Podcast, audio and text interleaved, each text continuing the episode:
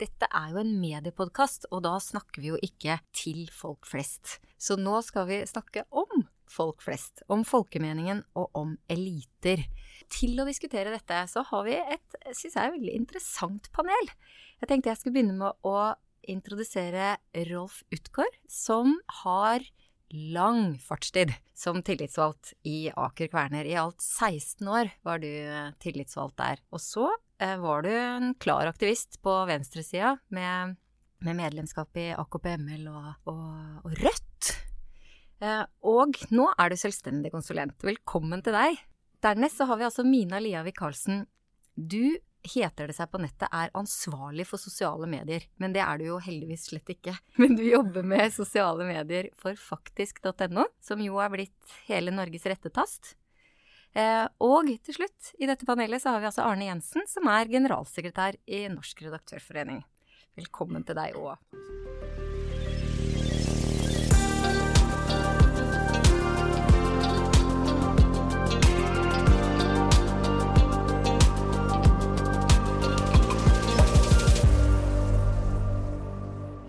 Og så, Rolf, så tenkte jeg vi må begynne med å snakke om eliter.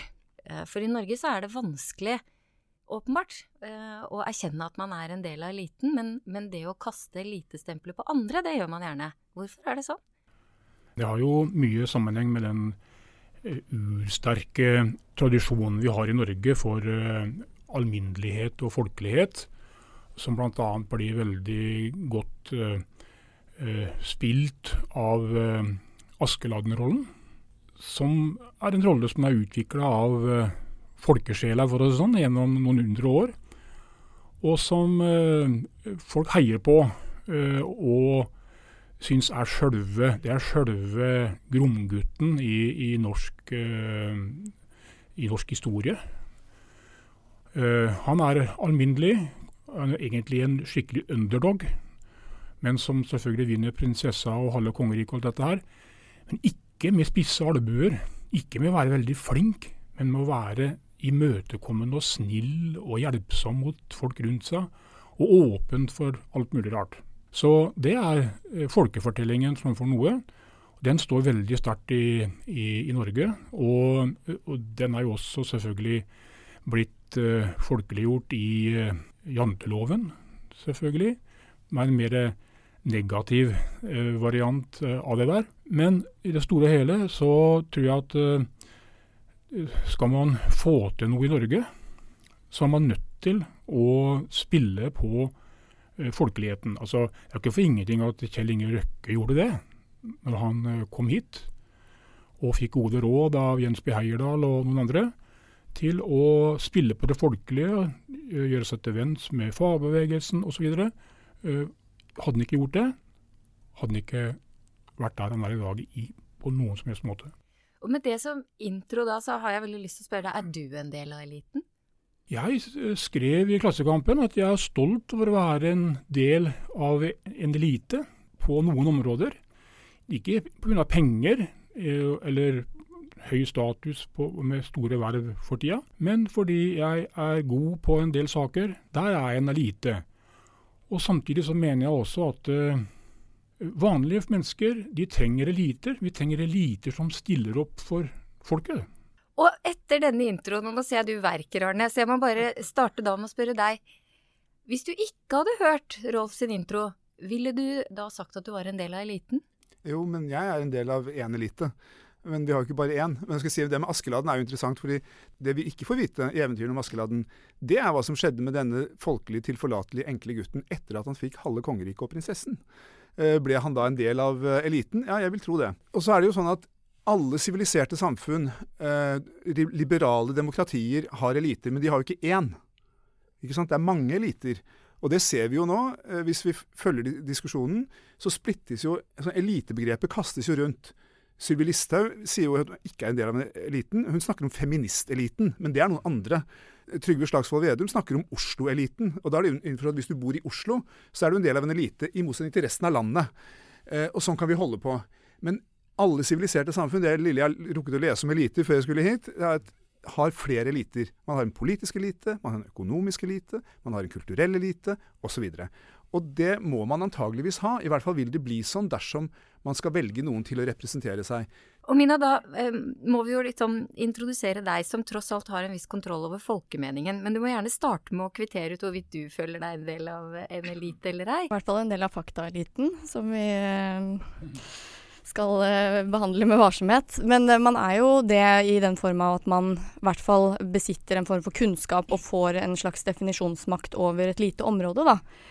som man på sett og vis gjør deg til en form for elite, men det er jo riktig som Arne sier at vi har jo ekstremt mange ulike grupper eliter som sammen kanskje blir en total elite, eller som man bryter opp. Men på sosiale medier, som du jo følger tett, i hvilken grad er da det, denne misnøyen med eliter, i hvilken grad er den synlig i debattene og som, en, eh, som en, en et element i de debattene som føres? Eh, den er jo eh, veldig tilstedeværende, men så er jo også eh, problemet her eh, hvis man tolker kommentarfeltene eller menneskene i kommentarfeltene dit hen at de representerer folk flest. For de gjør det jo ofte ikke. Eh, så de som roper høyest, eller de som skriver høyest, er ikke nødvendigvis de som taler majoritetens sak, da, som folk flest faktisk er. Fordi at den gruppen av folk flest er en ekstremt sammensatt gruppe, med folk som stemmer alle mulige slags partier, og som har meninger om alt mulig rart.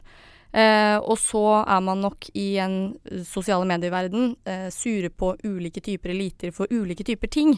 Man kan si at stortingspolitikerne er en elite som sitter og diskuterer og bestemmer over bompengene, som trer noe over hodet på deg. Eh, samtidig så har du noen som eh, trekker en sjokolade fra markedet, og som gjør at mange tusen mennesker raser, og da blir det plutselig folkeraser. Så det er jo ulike eh, typer debatter, da, på tvers av elitegruppene. Og Rolf, altså, I hvilken grad skaper da denne elitevegringen eller eliteangrep altså, Hvordan former det samfunnet vårt når vi er på en måte så forvirret rundt dette Hvem er eliter, og liker vi dem? Jeg tror det er veldig mye forvirring her. Men øh, jeg syns jeg ser også noen mønster. Og jeg ser for meg at øh, elitedebatten den skjøt fart etter Donald Trumps sin, sin valgseier. Hvor det da plutselig ble på mote eller effektfullt å angripe eliter. Det paradoksale er jo at uh, han er jo en ekstrem representant for eliten sjøl, men det ser ikke ut som det spiller noen som helst rolle. Og Det samme kan vi si om uh, mange andre politikere som uh, skyter mot eliten, men som sjøl er en del av eliten. Men det har blitt et slags skjellsord. Og jeg ser også på det vi kanskje kan kalle en sånn grovt sett venstreside i politikken, så har det også blitt en sånn skyteskive. Ja, det går på sentrum og periferi, eh, bl.a., som, som du var inne på, med Slagsvold Vedum og sånn. Jeg tror Slagsvold Vedum og andre har funnet eh, har ett poeng. Eh, og det er at jeg tror det er i store deler, eller mange steder i Norge, så er det mange mennesker som sitter med en følelse av at inne i Oslo-gryta, innafor Ring 1, der er det en del politikere, journalister, kulturfolk, eh, jurister, som soser litt rundt. Eh, og er en del av et litt sånn stort politisk korrekt miljø. som vet best og, og, vet alle de riktige tingene og vet hvordan ting skal være. Og, Det er en sånn konfliktlinje som jeg ikke tror man skal underspille eh, i, i, i, dag. Under dette, eller bakenfor dette elitekortet, Mina, så, så, så, ligger det jo en slags frustrasjon over hvem som får komme til orde, og hvem som blir lytta til? Ja, absolutt. Og der har jo også Facebook bidratt til at man kanskje i større grad føler at man eh, får uttrykt seg og får et stort publikum da, i det raseriet man har, eller det man er misfornøyd med. Så det fører jo liksom stadig oftere til at folk raser på Facebook. Noen raser mot noe, mediene plukker det opp, og så går man i en sånn salig runddans, da. Um, men det er jo på sett og vis bra, uh, så lenge man lærer seg å skille mellom det en enkeltperson sier, og fremstille det som en majoritetsoppfatning, da, ikke sant. For det har man av og til i hvert fall mediene lett for å gjøre, og si at når én raser mot dette, så må det sikkert være andre som reagerer på det, og da spiller vi det opp til å bli en kjempesak, selv om egentlig ingen ser på det som et problem. Så er det mange som henvender seg og, så, og sier at ja, vi blir ikke hørt, vi får ikke innlegg på trykk, det er ingen som vil lytte til oss.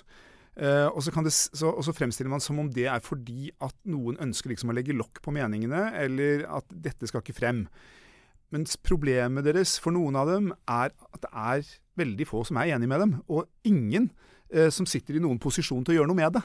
Uh, og da, da, det, da, vil det senere, før eller senere allikevel dø ut. Og det kan oppleves som urettferdig, men det er ikke sikkert at det er det.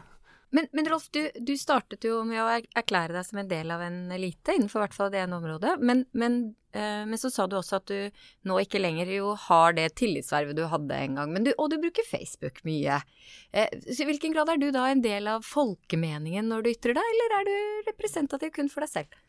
Nei, altså jeg synes, eh, For å gå tilbake til utgangspunktet, så syns jeg det er eh, fint å kunne tilhøre en elite. Sette en standard for eh, både saklighet og mye annet når en skal debattere. Og eh, jeg setter min ære i det. Eh, og samtidig så regner jeg med, og jeg blir også oppfatta fortsatt som, som, en del av folket, eh, både pga. tillitsvalgtbakgrunnen min, men også fordi jeg har jeg kommer fra alminnelige kår, har jobba hele livet og gjør det fortsatt. Jeg driver fortsatt og jobber fysisk ved siden av rådgivning og kurs osv. Og, så og av og til når jeg er oppe i Holmenkollåsen og feller trær, for det gjør jeg, eh, og kommer der, og så kommer en nabo ned og lurer på noe, for han skal kanskje ha tatt ned noen trær eller noe sånt noe, så lurer han på om jeg snakker norsk. Ikke sant? Fordi man er vant til at alle, alle, som jobber fysisk, det er polakker og litauere. Og jeg, jeg, føler jo på det der, der. Jeg føler meg veldig lett, lett å føle seg inn i rollen som en alminnelig mann. Eller som man sier i, i, i England, uh, white van man. Eh, jeg har en sånn en, forresten, jeg kjører rundt med. Og det er klart, eh, Jeg har ikke noe vanskelig i hele tatt med å sette meg inn i vanlige folks kår og vanlige folks tanker og meninger rundt dette her. Og man skal på ingen måte underdrive, som du sier, eh, den følelsen av maktesløshet, utenforskap osv. Det kan løses på mange måter, men det løses ikke ved at eliten forsøker å abdisere fra sine viktige roller i samfunnet. Jeg ble veldig begeistret, Mina, da Rolf sa dette, at han setter sin ære i å holde en viss standard i debatten. Er det ditt inntrykk at Rolf er et eksempel til etterfølgelse? Absolutt. Og det finnes jo eh, en del, flere, eh, mennesker der ute som prøver å løfte debatten til et OK nivå, og som prøver å få folk inn på saken når man har sporet av, eller si at liksom ja, dette er meningene dine, men det kan ikke forveksles med eh, faktagrunnlaget i denne saken, f.eks., for, eksempel, for det er to helt ulike ting vi snakker om. Uh, og det er jo også, som vi var litt inne på i sted, liksom årsaken til at man kanskje ikke hører, føler seg hørt, eller at man får, ikke får debattinnleggene sine på trykk. Eh, at man heller kanskje ikke alltid er så god til å formulere seg. ikke sant? At alt ender opp som et eh, langt raseriutbrudd, heller enn at man klarer å formulere argumenter og på en måte ja, logisk resonnere seg frem til hvorfor man mener det man mener, og hvorfor det som skjer i dag, er galt. Um, og det er jo noe man kanskje bør ta til seg, da, om man føler at man ikke tilstrekkelig blir hørt, eller at noen aviser velger å si at du kan ikke ytre deg basert på det du har skrevet her, fordi det rett og slett ikke holder god nok kvalitet. da. Men det er jo, ja, det er, jeg har bare lyst til, jeg må tilbake igjen et lite øyeblikk. Først det er fryktelig sjarmert når, når, når, tidligere venstresideaktivister uh, sier at de er stolt av å være en del av en elite. Uh, det, det, er jo litt artig. Men, men, det er et poeng i det Jeg er født i en gruvebygd i, uh, i Nord-Østerdalen. Vokste opp i en fiskebygd på Helvik i, i, i Sør-Rogaland. og har reist mye i bl.a. i Finnmark. Og et, altså jeg, tror, jeg har mange venner som eh, ikke har vært nord for Trondheim. Eh, kanskje de har vært i Tromsø en gang. Eh, og som ikke, altså hvis du ikke har vært på hvis du ikke har vært på en to-tre bygdefester og vært litt uh, på noen bensinstasjoner og noen uh, små kafeteriaer rundt på de minste stedene i Norge, og sett litt, så er det ganske vanskelig å skjønne hvordan Norge virker. Altså Hvis du ikke har, har ta, gått inn, litt inn i, i, uh, i, den delen av Norge som er tross alt er det meste, og det ligger utenfor Ring 3. og jeg tror det er, det er, ikke, det er ikke bare tull når vi blir liksom litt Eh, gjort narr av den der caffè latte-gjengen som sitter på Grünerløkka og, og, skjønner seg best på, på alt. Det er, det er, en kjerne av noe der som jeg mener er eh, Ja, vi skal ta litt på alvor. Men ikke sant, så erklærer du hvor du er fra, og da får jeg et akutt behov for å fortelle hvor jeg er fra. ikke sant? Jeg er fra Askim, jeg er fra Indre Østfold, og jeg er helt sikker på at hvis jeg hadde gått rundt i Indre Østfold og sagt at jeg var en del av eliten, så hadde jeg jo blitt banka opp. Eh, ikke sant? Eh, hvem er det som kommer til orde, da? I de redigerte mediene? Nei, men ok, vi skal ta det. Men for det første, når du sier hvis du hadde sagt at du var en del av eliten ja, Men jeg sier ikke at jeg er en del av eliten. Jeg sier jeg er en del av én elite. Og det er den eliten som, som jobber med å legge premissene for, eh, for, eh, norske redaktørstyrte medier. Og der har jeg innflytelse, men jeg har ikke mye innflytelse over norsk næringspolitikk eller innvandringspolitikk eller uh, kulturpolitikk. Men hvis jeg hadde gått, reist tilbake til Helvik og sagt at jeg er en del av en elite, så tror jeg folk ville sagt ja, men vi er ikke dumme i huet, vi skjønner jo det. Tror jeg de fleste ville sagt da. Hvis jeg hadde sagt at det er en del av eliten, liksom e, den ene store eliten som styrer landet, da tror jeg de hadde sagt at nå er det godt hode på deg. Men sant, vi sirkler, vi sirkler egentlig rundt eh, et tema som ikke er helt berørt, Rolf, og det er hvem kommer til orde i de redigerte mediene? Eh, og det vet jo du ganske mye om, for da du var tillitsvalgt, så kom jo du veldig godt til orde. Og så er spørsmålet hvor mye kommer du til orde når du ikke har en tittel lenger? Ikke så mye, selvfølgelig, men jeg eh, får av og til ting på trykk, som kronikker og innlegg og sånn jeg merker meg jo det at man ikke er, ikke er, i sirkulasjon på samme måte som jeg var den gangen. Jeg tror jeg var, hadde sikkert 1000 intervjuer. Jeg, kom på en måte på trykk eh, når, når, mediene var ute etter meg. Det var dem hele tida. Men også når jeg sjøl hadde noe jeg gjerne ville få fram, så kunne ta en telefon og, og fikk det fram. Det, og det hadde noe med min posisjon å gjøre, men hadde også noe med formuleringsevnen å gjøre. For jeg var, mange ganger hvor det kom eh, særlig da eh, etermedier og skulle ha et intervju. Og så hadde det vært både her og der. Men de hadde ikke fått noen som klarte å uttale seg på en måte som var forståelig og kon konsist nok og, pre og presist nok i forhold til budskapet. Eh, så da kom det til meg. Og det gikk som regel bra. For jeg, jeg, hadde jo på en måte erfart dette her en stund og lært en del den harde veien, men også etter hvert da, Nå driver jeg jo kurs i dette her, for jeg har bruker min egen erfaring. Og det er jo hvordan man formulerer et budskap og, og banker det ut på en forståelig måte. Ikke nødvendigvis sånn som politikerne gjør, for jeg syns man overdriver med at man liksom på en måte har lært seg én setning og så bare pløyer på den uansett hva du blir spurt om. God dag med en økseskaft. Det fungerer veldig sjelden. Men at du er i stand til å formulere to-tre setninger hovedbudskapet, det er veldig viktig. Klarer du det, så, så er det i seg sjøl en kvalitet som mediene er ute etter. Det er det jeg har, har, lagt merke til. Er det da de samme som er engasjert i de redigerte mediene, som er engasjert i de sosiale mediene, Mina? Som det kan være, men du har jo også på en måte forskjellen kanskje fra tidligere og nå, hvor man tidligere for å få noe på trykk i avisa måtte skrive et leserinnlegg. Eh, skrev det til lokalavisa, skrev det til eh, riksaviser hvis det var interessant. Men nå havner du på en måte i en sfære der man i større grad kan legge ut et eller annet på Facebook som får over 100 delinger, og da har det plutselig blitt en nyhetsartikkel. Ikke lenger et debattinnlegg der noen er nødt til å formulere hva de mener, men eh, at noen faktisk ringer deg opp og sier 'hei, jeg ser du har ment dette, eh, kan du utdype?' Eh, ok, og så får vi en reaksjon på det, og så er det en nyhetssak. Eh, så det vil jo si at man kanskje får enda mer spillerom i mediene nå enn det man har fått tidligere. Men det har jo også sammenheng med hvilken plattform Facebook har vært for uh, redigerte medier de siste årene. At man er nødt til å få, um, få, altså få, leserne inn fra de sosiale mediene, som gjør at man da skriver stadig mer stoff som er tilpasset de sosiale mediene også, som skal få fart, som skal engasjere, som skal deles. Vi har jo demokratisert ytringsfriheten, men vi sitter fortsatt og, og, og snakker i nivåer. Vi har liksom Kommer du på trykk i papirutgaven til Aftenposten, så er det liksom da har du Det er ekstra, det er ekstra, ekstra. Jeg prøver å være uh, ydmyk. Det er noen av mine venner som blir uh, hvis de hører dette. Men det får så være. Men jeg ser opp på veggen hver dag på kontoret mitt, så henger de tidligere generalsekretærene og de tidligere lederne i Norsk Redaktørforening. Alle portrettene henger der. Og jeg, de henger der fordi jeg vil ha dem der. Fordi at jeg vil bli minnet om at ikke, it's not you stupid, it's the office. Uh, og, og, det er jo ikke meg det handler om. Det handler om fordi jeg er generalsekretær i Norsk Redaktørforening. Og den dagen jeg slutter å være det, så kommer jeg ikke til å få et spørsmål om noe som helst om hva jeg mener om en puck. Jeg representerer jo ikke meg, jeg representerer en forening uh, med 740 medlemmer. Uh, det, så vi må jo tenke, når vi spør hvem er det som kommer til orde, ja, noen, mange kommer til orde fordi at de enten har spesielt god greie på noe, og De har gjerne tatt, studert eh, mange mange år på universitetet for å få greie på det, og er professorer osv. Noen blir spurt fordi de kan gjøre noe med det. og Det er typisk politikere og beslutningstagere. Og noen blir spurt fordi at de har en interesse av å fremme et bestemt syn. og Det er gjerne sånne som meg, som er lobbyister for uh, et eller annet.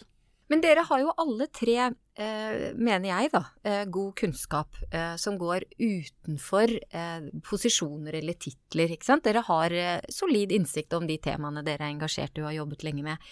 Men er, er de redigerte medienes kildearbeid tilstrekkelig i en sånn sammenheng, Rolf? Altså, eller man, faller man ned på, som Arne egentlig lista opp, at du får, du kommer til ord hvis det er en posisjon, eller hvis du er professor?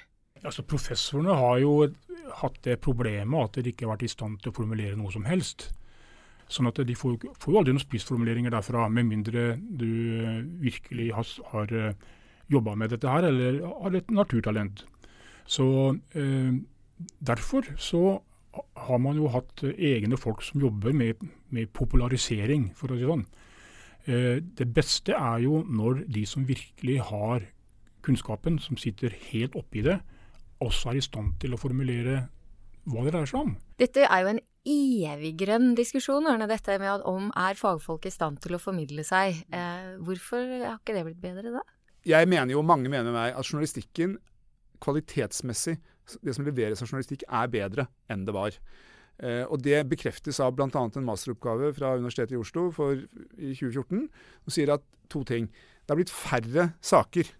Eh, altså Det betyr at vi rasjonaliseringene i bransjen har stort sett gått ut på at det er noen arenaer og noen saker vi ikke, hvor vi ikke er til stede lenger. Det kan i seg selv utgjøre et demokratisk problem. Du kan få journalistiske blindsoner hvor vi blir for dårlige til å være til stede. Men det som leveres, det er ganske fascinerende. Altså Andelen saker som er over 350 ord, har økt fra 30 til over 50% Andelen 1, 0- og enkildesaker har sunket dramatisk. Andelen tre- og firkildesaker har økt fra 20 til 50 Dette er i Aftenposten, VG og Dagbladet.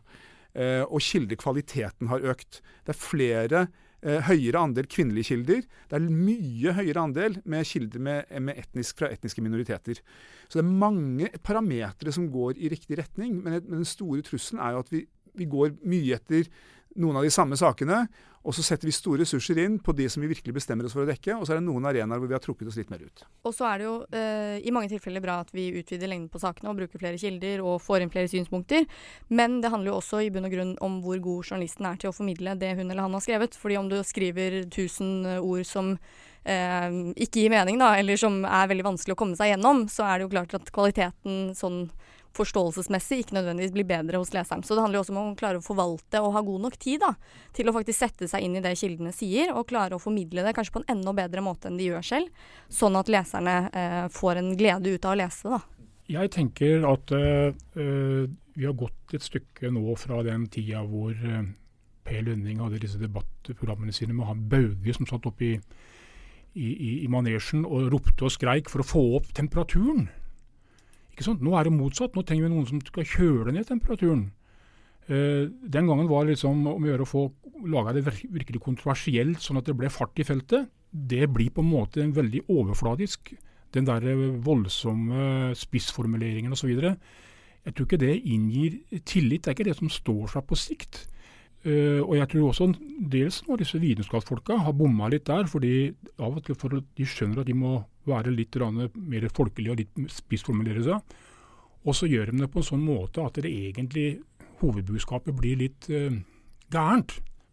De redigerte mediene må være flinke til å få fram interessante ting uten å tabloidisere det så inn i helvete at det blir, eh, blir da Alle skjønner at dette her er jo overdrevent, og da blir det egentlig en konkurranse om å rope høyest er de redigerte mediene gode nok til å gjøre en sånn rolig vurdering av om hvorvidt saken er god, helt uavhengig av hvilken fart den har fått i sosiale medier, f.eks.? Eller er farten i seg selv et argument for å få det inn i de redigerte mediene? Jeg har et standardsvar på alle spørsmål som handler om, om er vi gode nok. Da sier jeg nei. Vi, alle, vi, blir aldri gode nok. Ikke på noe felt. Aldri noen gang. Uh, ferdig snakka. Og den dagen noen sier det, da er de skikkelig trøbbel. Der, vi har en utfordring, tror jeg, som Og nå, dette kan Mina mye mer enn meg, men uh, som handler om hvordan vi liksom forholder oss til eh, det å skulle prøve å fange ting som engasjerer og, og som, som, liksom opptar folk. Ikke nødvendigvis fordi liksom, vi tenker trafikk og, og, inntjening og sånn direkte, men fordi vi gjerne vil, vi vil jo gjerne ha oppmerksomhet om våre egne saker. Eh, og jeg vokste opp i en tid hvor det var helt liksom, the, the crucial point var om vi må ha en case. I det øyeblikket det var noe som var litt sånn komplisert, skatt eller samfunnsmessige effekter av noe. Vi må ha en case, vi må ha en familie, vi må ha noen eksempler. Uh, og nå det, har, det, har, jeg sett noen eksempler på hvor, hvor, det ikke bare er at du har en case, men de som uttaler seg om hvorvidt noe er lurt eller ikke. Skal Norges Bank senke renten, uh, så, så, lager man fem på gaten. Uh, og da tenker jeg at nei, det er, det er feil. Fordi at det, dette er fag. Dette er økonomi. Eh, og du må gjerne supplere med det. Alle vil si at nei, ikke senk renten eller ikke hev den. Men, men, de som har greie på det, må snakke om hvorvidt eh, om det er lurt eller ei. For det har liksom noen sånn andre effekter inn i økonomien. Er liksom tommel opp-min har blitt en sånn, eh, sånn popularitetsjag? Eh, sånn at man nettopp går ut og spør folk om man bør heve eller senke rentene, mens man ellers burde ringt til noen ved høyskolen? Ja, det er mulig. I hvert fall en måte å prøve å folkeliggjøre det litt på. Og si at uh, her har vi noen som engasjerer seg voldsomt. De klarer å uttale seg tabloid og ekstremt spisst. La oss heller gå for denne personen enn en litt kjedeligere person som ikke får like mye fart. Og så har jo også Facebook bidratt til at de casene journalistene selv var ute og jaktet tidligere, nå på en måte blir servert på sølvfat. Fordi at de skjebneshistoriene og enkeltpersonhistoriene, da, de får så enorm spredning. Så fort det treffer et eller annet, bare ta de eh, i Andøy kommune som fikk fiskekaker eller fiskeboller til middag på julaften, ikke sant. Det var snakk om et fåtall personer. Fikk enorm spredning på Facebook, og da blir det oppslag overalt. Det er noe folk raser mot. Eh, politikerne ute sier sånn her kan vi ikke ha det.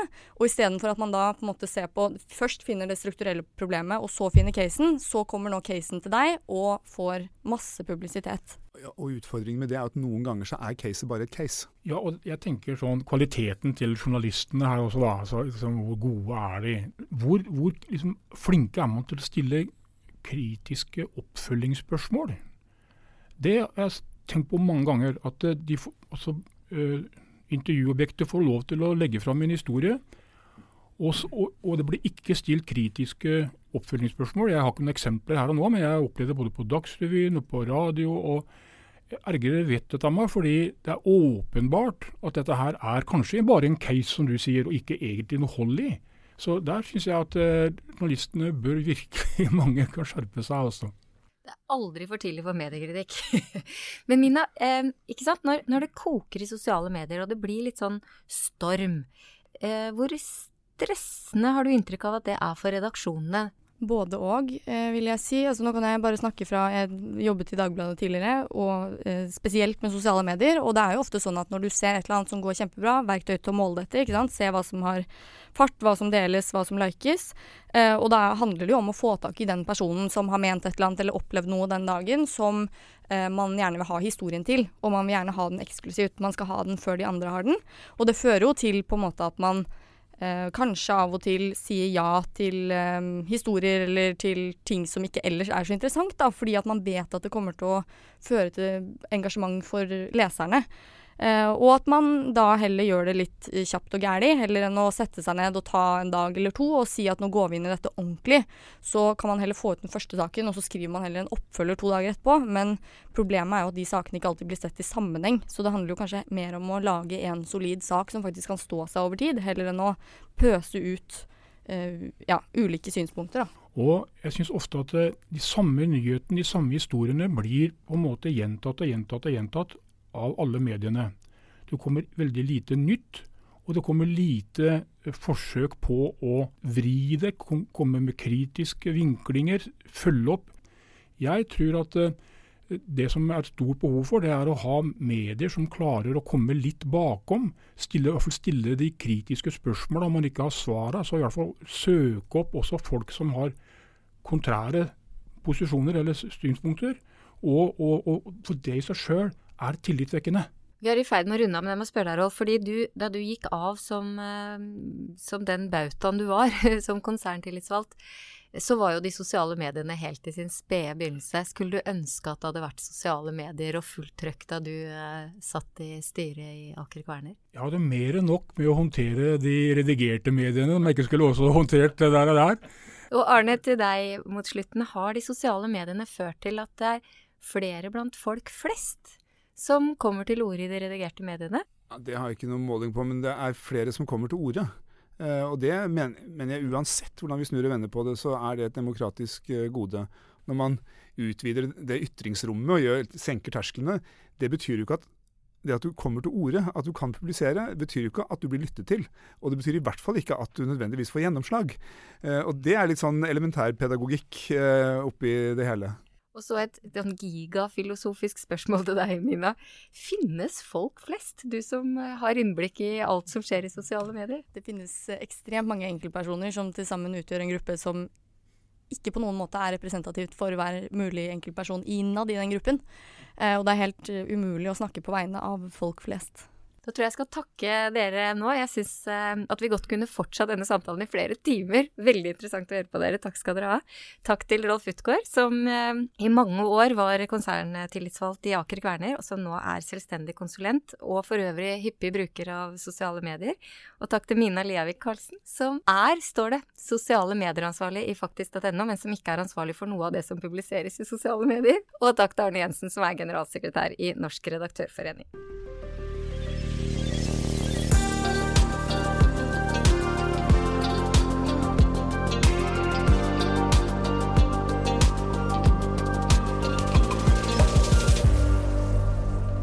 Denne podkasten er produsert av Hansine Korslien for Stiftelsen Tinius.